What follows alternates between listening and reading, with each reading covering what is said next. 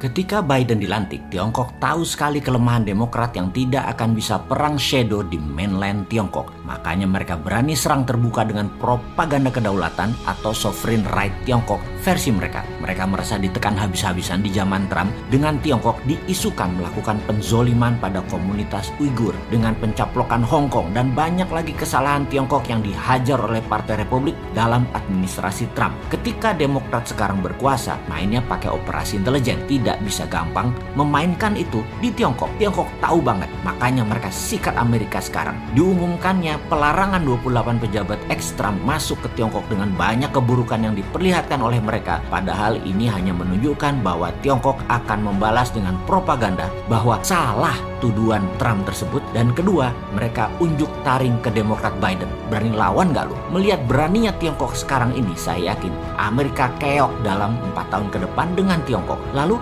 Indonesia bagaimana? Kita saat ini miring ke Tiongkok. Dalam hal menerima investasi Tiongkok di tanah air yang menyedot sumber daya alam mineral Indonesia. Secara akunting, emang negara untung? Ya enggak lah, mana buktinya? Lihat APBN tuh, ada nggak untungnya dari kehadiran Tiongkok di Indonesia yang menyedot sumber daya alam mineral tersebut? Mengapa? Gini loh dagangnya, saya urai ya. Urusan main mineral walaupun skala garasian lumayan lah. 25 tahun saya sudah berdagang hal seperti itu. Jadi kita melihat dari dua kacamata, sebagai penghasil mineral atau sebagai penjual mineral. Ini penting karena kalau Anda sebagai penjual mineral, kadar kandungan mineral Anda harus tinggi supaya dijual dengan harga tinggi. Yang kedua, yang geblek adalah harga internasional yang kita anut. Ingat, kata geblek akan saya ulang-ulangi ke depan ya, biar seru gitu loh. Di sisi lain sekarang Anda adalah pembeli mineral. Benar, Anda ingin kandungan mineralnya besar, namun Anda ingin beli dengan harga kandungan mineralnya kecil. Paham? Belum paham? Saya lanjut ya. Begini misalnya, kandungan nikel. Anda penjual nikel ore atau mentahan atau masih dari alam, belum diproses, katakanlah dari tanah kandungan Anda per ton ada 500 gram nikel. Ini hanya contoh ya, for the sake of discussion ya. Maka sebagai pembeli Anda ingin kandungan nikelnya besar, betul ya? Namun itu bukan mental pedagang. Pedagang akan bilang, kita tes ya kandungannya. Nah, alat tes tadi yang ada di seluruh lab komersial dunia itu rendah sensitivitas betasnya. Jadi dibacanya paling 400 gram nikel. Padahal bisa 700 gram aslinya. Nanti setelah diproses. Ini kita tahu banget. Jadi pinternya semua itu dimainkan di alat dan disertifikasi. Jadi alat ukur yang diada di lab, di lembaga lab tes mineral tadi. Dari sononya, dari pabriknya, mesin tes tadi adalah sudah agen para globalis. Karena itu Sontoloyo ini kalau dagang meterannya atau ukurannya nggak mau pakai Scovindo kayak Surveyor Indonesia kayak apalagi lab luar negeri selama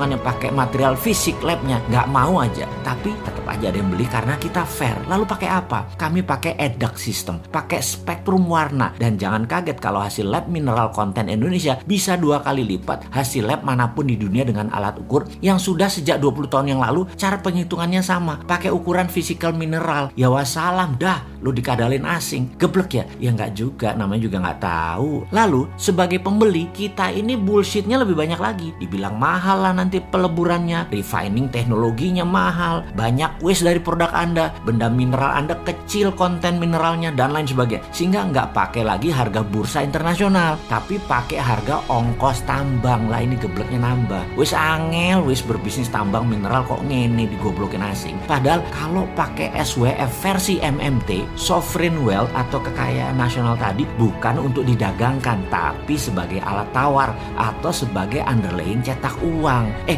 sekarang SWF jadi lembaga loh, lembaga hutang berbasis perusahaan. Dan ini super lucu. Maaf ya, boleh bilang geblok lagi nggak ya? Maklum, SWF-nya niru ide Bosman tetapi hanya namanya saja yang ditiru. Actionnya mah jauh beda langit dan bumi. Yang sekarang berbasis hutangan. Yang memang jago hutang sih, memang ya jago hutang ya otaknya hutang. Yang satu yang kita yang MMT berbasis aset nasional yang tidak diperdagangkan tapi dijaminkan sebagai underlaying. Kesimpulan, dalam mengelola sumber daya alam nasional yang milik rakyat ini sesuai Undang-Undang 45 pasal 33 yang menurut saya salah kaprah selalu menuruti negara besar yang punya GBAN sangat baik atas pencaplokan sumber daya alam negara lain dan ini harus ditangani oleh Menteri Peperangan. Ini adalah warfare, masuk kategori perang, bukannya masuk ranah perdagangan. Kalau bernegaranya sadar akan ke NKRI yang garis lurus loh ya ini ya, bukan menambah banyaknya pejabat diam seperti saat ini yang banyak lupa kalau kita punya wakil presiden.